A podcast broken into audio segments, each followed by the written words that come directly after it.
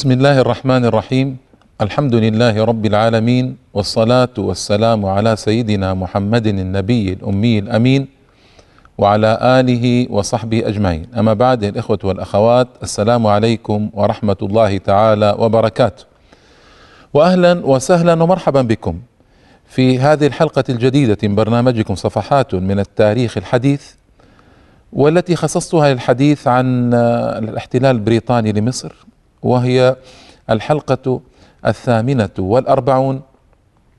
وهذا في هذا اليوم سأتحدث عن أمر مهم وهو بدايات تكوين حزب الوفد المصري عقب الحرب العالمية الأولى.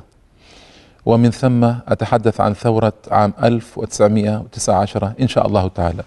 وهي ثورة مهمة لها ذيول كثيرة وكبيرة في الحقيقة. القضية باختصار شديد آه، يعني فيها تفصيلات وفيها كلام قد يخرج عن حد هذه الحلقات.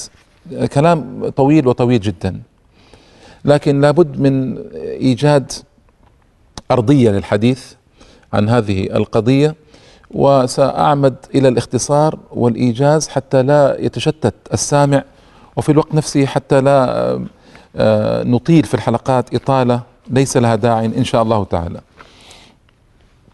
الذي حصل يا إخوة هو قبل الحرب قبل الحرب العالمية الأولى كان الوضع في مصر معلوما وتحدث عنه طويلا. الحزب الوطني موجود برئاسة مصطفى كامل بعد موته برئاسة محمد فريد. نفي محمد فريد نفي خارج مصر منفى اختياري خرج هو باختياري وعد نفيا لأن أمامه إما الخروج أو السجن. فما عاد الحزب الوطني له رجال كبار يمسكون به ويوجهونه. فانقسم الحزب على نفسه وبعضهم خرج من الحزب الوطني وبعض الرموز بقيت في الحزب الوطني لكن حتى الرموز التي بقيت كانت غير متزنة في تفكيرها واتجاهها. الحزب الوطني مشهور عنه جدا أنه كان موافقا ومؤيدا للاتصال ببقاء الصلة بالدولة العثمانية. كان قائما على دعائم من الإسلام. لكن للأسف الشديد في أواخر عهده كان اسما بغير مسمى. ومن السقطات الكبيرة التي وقع فيها الحزب الوطني أنهم عملوا حفلة للفرنسيين في القاهرة الذين كانوا متوجهين إلى سوريا عقب سقوط بيد الفرنسيين. ومجدوا الفرنسيين هنالك تمجيدا كبيرا جدا هم يعلمون أنهم هم السبب في إسقاط الحكم العربي كما كان سمى آنذاك في بلاد الشام وأنهم أصلوا إخوانهم السوريين النار وسوء العذاب ومع ذلك يحتفلون بهم في القاهرة. يعني وصل الحزب الوطني إلى هذه الدرجة من الضعف والهوان ولم يعد يستطيع في الحقيقة أن يقف شامخا في الساحة المصرية كما كان من قبل. و في المنفى زعماء مصر في المنفى أيضا لم يستطيعوا التفاهم. الخديوي عباس بينه وبين محمد فريد ما صنع الحداد كما تعلمون في مصر. ويعني بينهما سوء تفاهم كبير جدا. فلما خرج إلى الخارج معا آه، ولم يستطيع العودة إلى مصر أيضا لم يكن بينهما تفاهم في مصر آنذاك. لم يكن بينهما تفاهم. آه، وكان يتبادلان اتهامات في المنفى. فالوضع المصري كان وضعا صعبا للغاية قبل الحرب العالمية وفي أثناء الحرب العالمية الأولى. ولم تكن هنالك شخصية مصرية قوية صالحة لتوجيه دفة الأمور إلى ما ينبغي أن توجه إليه. وظهر في الأفق أشخاص أيضا لم يكونوا في ظني وفي تحقيق الشخص حتى لا يعترض أحد بعد ذلك ويقول كيف هذا. إنما هو رأي أميل إليه من خلال النظر التاريخي في تلك الحقبة. لم يكن هناك أشخاص يستندون إلى الإسلام وإلى قاعدة إسلامية سليمة صحيحة. وهذا بقراءة آه، تاريخ رموز تلك المدة وتاريخ رجال تلك المدة. وعلى رأسهم سعد زغلول الذي آه، سيكون له أثر كبير في مصر بعد ذلك. آه، على سبيل المثال سعد زغلول كان هو صهرا لمصطفى فهمي باشا. تزوج بنت مصطفى فهمي باشا. ومصطفى فهمي باشا قلت لكم قبل ذلك أنه كان الوزير المنشود لبريطانيا على حد تعبير لورد كرومر. يعني لم يجدوا شخصا أفضل منه في الانصياع لاوامر بريطانيا وعدم الاعتراض عليها. كان في الحقيقة رجلا إنجليز في مصر. ووصل إلى أن يؤلف الوزارة ليكون رئيسا لوزراء في مصر أكثر من مرة أكثر من مرة. وصار بينه وبين آه، الخديوي عباس حلمي الثاني آه، سوء تفاهم كبير وكبير جدا. آه، عزل بعد ذلك الخديوي عباس عزل مصطفى فهمي باشا من رئاسة الوزراء. ثم لما اتجه الخديوي إلى الإنجليز أعاد تعيين مصطفى فهمي باشا رئيسا للوزراء. سعد زغلول كان في بداياته مع الإنجليز في توجهه العام يعني. لذلك عينه الإنجليز في الوزارة. في الوزارة مصطفى, مصطفى فهمي باشا ليكون وزيرا للمعارف في مصر. ومن المستحيل أن يعين سعد زغلول في هذا المكان لو شم منه الإنجليز راحة الاعتراض عليهم وعلى قراراتهم وعلى توجههم العام في مصر. وسعد زغلول في بداياته كان إنجليزيا لكن اصطدم باللورد كيتشنر بعد ذلك. لورد كيتشنر جنرال كيتشنر الذي آه، كان صاحب الحملة على السودان وقصته ذكرتها لكم قبل ذلك رجل فظ غليظ آه، صعب المزاج. صار لورد كيتشنر بعد ذلك وصار المعتمد البريطاني في مصر بعد ذلك بعد وفاة إلدون غورست وهو الذي أهان خديوي عباس و... وفكر خديوي عباس باستقالة بسبب كيتشنر. أيضا اصطدم كيتشنر بسعد زغلول رجل صدامي عسكري. اصطدم أيضا بسعد زغلول أو سعد باشا زغلول آه آنذاك. اصطدم به فمنذ ذلك الوقت قرر سعد أن يواجه الإنجليز وأن يكون ضدهم. آه سعد كان وكيل الجمعية التشريعية المنتخب. وكيل الجمعية التشريعية المنتخب. كان الجمعية التشريعية آه، أنشأها اللورد كيتشنر في مصر ذرا للرماد في العيون لتكون آه، ردا على المطالب المستمرة الدائمة الدستور المجلس النيابي الدستور المجلس النيابي أنشأ لهم الجمعية التشريعية.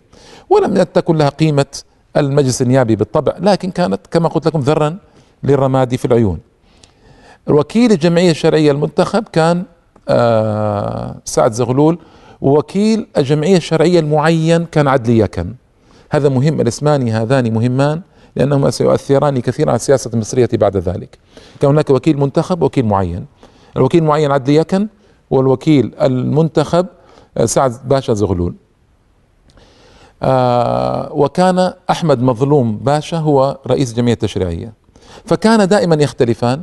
سعد زغلول وعدلي يكن من إذا سافر أحمد مظلوم من يتولى رئاسة الجمعية التشريعية؟ كان دائما هذا الخلاف قائما بينهما إلى أن قامت الحرب العالمية الأولى و آه، وانتهت بإعلان اتفاق هدنة بين إنجلترا وألمانيا. لما انتهت هذه المدة استغل المصريون الحادثة قام بعض أعضاء الجمعية التشريعية بطلب مقابلة السير وينجت آنذاك كان السير وينجت هذا هو المعتمد البريطاني في مصر بعد هنري ماكماهون. وتكلمت عن هنري ماكماهون في الحلقة السابقة آه، آه، السير وينجت آه، قال من أنتم؟ كان هم سعد زغلول وعبد العزيز فهمي وعلي شعراوي. علي شعراوي زوج هدى شعراوي هدى محمد سلطان. التي كانت بنت محمد سلطان الذي كان عرابيا في البداية ثم انسحب من العرابيين وصار إنجليزية التوجه والهوى. بنته آه، هدى سميت باسم زوجها علي شعراوي على طريقة الغربيين. وهذا في الإسلام لا يجوز لكن يعني قلت لكم القوم بعيدون في الجملة عن الإسلام. ما كان الإسلام هو المسيطر عليهم والموجه لهم ما أبدا.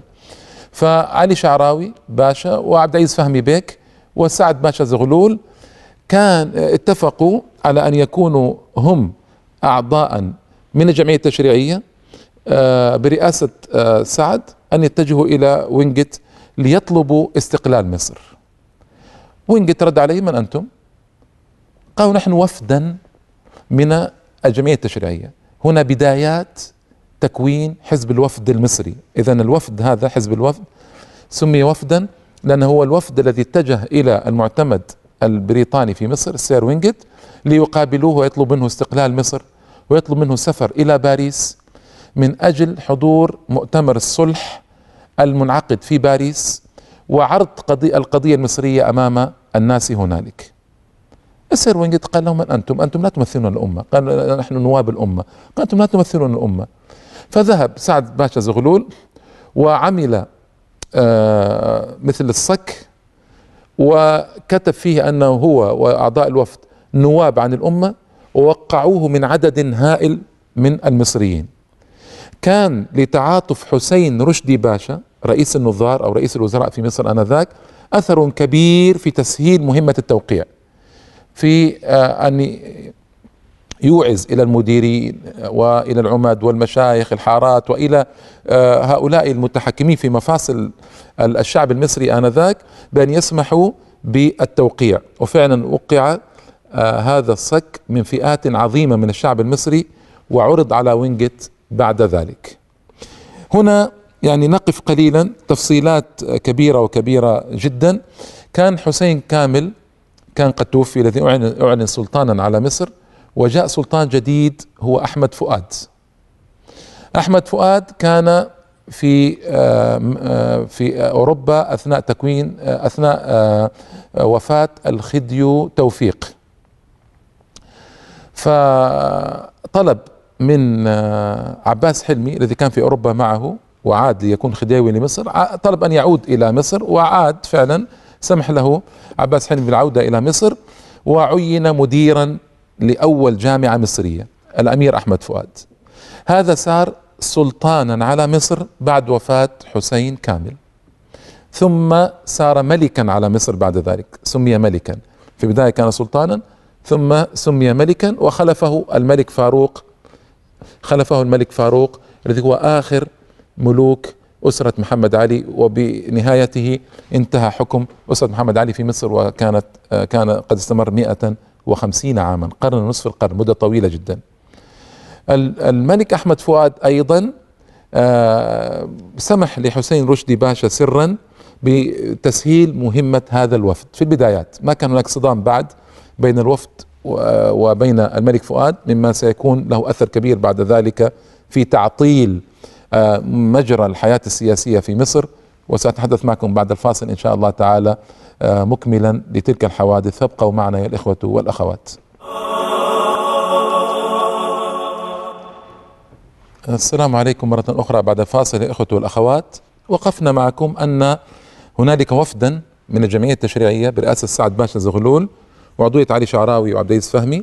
هذا الوفد اتجه إلى السير وينجت بعد آه انتهاء الحرب وطلب منه أن يذهب إلى باريس آه ليشارك في مؤتمر الصلح في باريس هنالك من أجل عرض القضية المصرية وطلب الاستقلال.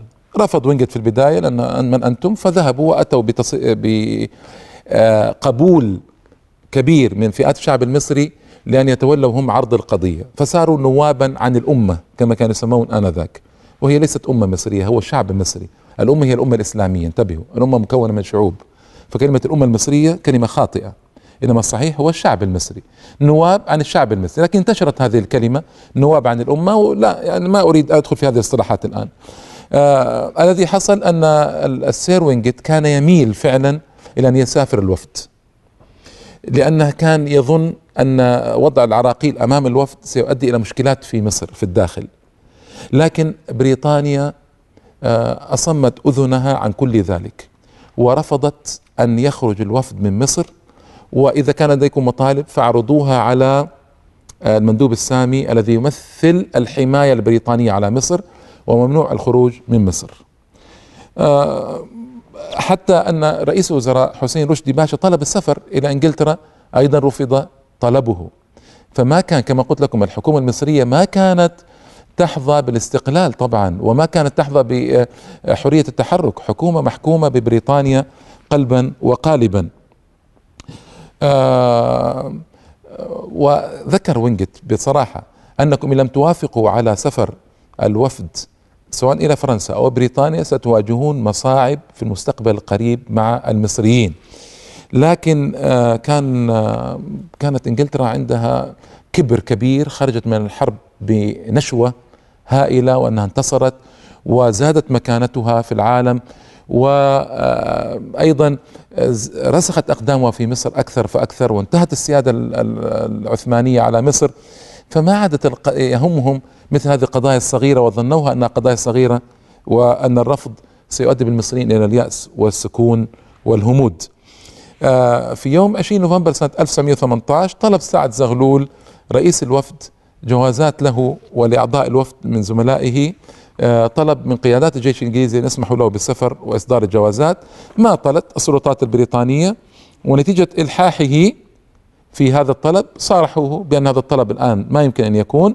هناك صعوبات تحول دون تحقيقه. كتب رسميا أنا آه، بعد ذلك سعد إلى السير وينجيت يطلب منه هذا الطلب. ردت بريطانيا أيضا بالرفض. آه، هنا بريطانيا لماذا كانت ترفض؟ بريطانيا تريد تريد اولا أن تستصدر تستصدر آه، آه، نصا من الحلفاء تستصدر قبولا من الحلفاء بحمايتها مصر أي بفرض الحماية على مصر حتى تتمكن من السيطرة التامة على مصر ثم بعد ذلك من أراد أن يذهب ويقابل أي من شاء فليذهب بعد آه، نص الاعتراف بالحماية البريطانية على مصر. ولذلك كانت تماطل وتمنع في البدايات. انتبهوا هذه النقطة. ثم لما صدر نص الحماية الاعتراف بالحماية البريطانية على مصر من قبل الحلفاء وحتى من قبل أمريكا سمح للوفد بالسفر. لأنهم آه لن آه يجدوا أذنا صاغية بعد نص الاعتراف. وسعد لما سافر سافر بعد ذلك فعلا لم يستقبل في أي بلد من البلاد استقبالا رسميا لم يستقبل على أنه ممثل عن الأمة أو استقبال رسمي أو كذا، كان على أنه وفد شعبي وانتهى الأمر. بريطانيون ماكرون وعجيبو التصرف واختراع الأفكار والحيل التي تحول دون وصول آه، يعني من يظنون أنهم اعدائهم إلى مبتغاهم في مصر. آه، طبعا مع زيادة الطلب والإلحاح في الطلب اضطرت السلطات البريطانية لإلقاء القبض على سعد زغلول ورفاقه ونفيهم إلى مالطا. نفيهم إلى مالطا. كان هذا الخطأ الجسيم الذي وقعت فيه بريطانيا بسبب كبرها وطغيانها وجبروتها واستكبارها. وهذا هو الذي حرك الشعب بعد ذلك للقيام بالثورة. ثورة عام 1919 ثورة مشهورة وكبيرة جدا ولها تاريخ مصري كبير ولها أثر كبير آنذاك. لأن الشعب المصري آنذاك كان كانت هذه الثورة هي خلاصة الثورات السابقة والمظاهرات الكثيرة التي قامت في العشر سنوات السابقة على الثورة وكانت هي خلاصة التجارب وأثبتت أن الشعب المصري حي. ولم يمت كما زعم البريطانيون لانهم ادعوا أن الشعب المصري شعب آه، يأس وقنط واتجه إلى الاستسلام والسكون والخضوع لبريطانيا فأثبتت الثورة عكس ذلك تماما. وقامت أحداث الثورة بعد ذلك سأتي عليها إن شاء الله تعالى واشتركت فيها جميع آه، قطاعات الشعب.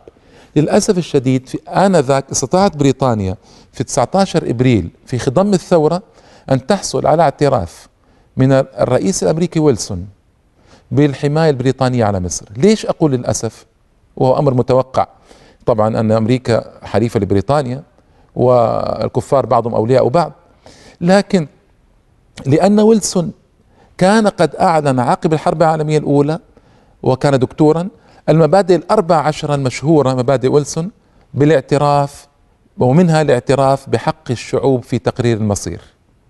وهذا الذي أغرى الفرنسيين في الجزائر أيضا وذكرتها في حلقات الحملة الفرنسية على الجزائر أغراهم بالذهاب إلى مؤتمر صلح في باريس وقابل آه، بعض الجزائريين على رأس مصالي الحاج قابلوا ويلسون ووعدهم خيرا.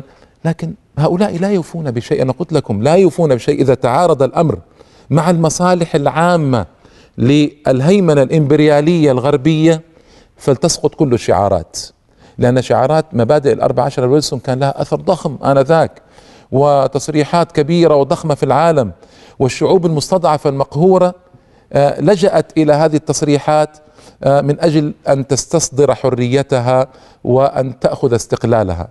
لكن في خضم ذلك كله صدر الاعتراف الأمريكي بالحماية البريطانية على مصر وكانت صدمة وأي صدمة هي.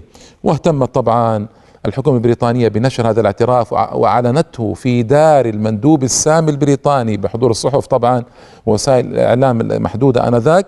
وصدم الشعب المصري بهذا وأرادت بريطانيا تسكين الشعب المصري بإعلان هذا الاعتراف الذي كان في قمة ثورته. لكن آه، الأمور جرت على عكس ما تريد بريطانيا. فزادت الثورة اشتعالا كما سيأتي إن شاء الله تعالى. آه، في تلك الأثناء عين إليمبي مندوبا ساميا بريطانيا في مصر ووصل في نوفمبر 1918 في صورة هائلة هيمنة ضخمة وقد وعرض له حفل استقبال وهي له حفل استقبال ضخم جدا. ولا بد أن يعرف الإخوة والأخوات من هو إليمبي إليمبي هو قائد القوات البريطانية التي غزت فلسطين واستطاعت أن تسيطر على على فلسطين والعراق وهو صاحب القولة المشهورة التي أعلنها في بيت المقدس هذه القولة بحضور وجهاء فلسطين. والضباط الكبار البريطاني البريطانيين قال بعدم خجل من كل هذه الشخصيات التي حضرت الآن انتهت الحروب الصليبية. الله أكبر. ما نسوا خروج خروجهم من منطقة المنطقة العربية منطقة الشام وبيت المقدس. ما نسوا خروجهم أن صلاح الدين أخرجهم. وما نسوا أن المماليك أخرجوهم من عكا وطهروا الساحل الشامي منهم. قبل كم؟ قبل حوالي 600 سنة أو 650 سنة من تصريح إلمبي الآن انتهت الحروب الصليبية أخرجوا من الشام. فحوالي ستة قرون ونصف لم ينسوا هذا الأمر. ونساه من؟ العرب المغفلون. مساكين الذين ظنوا أن يعني آه، بريطانيا والشعوب الغربية متعاطفة معهم وأن القضية قضية علمانية وأن ليس يعني قضايا الدين دخل في هذه المسائل.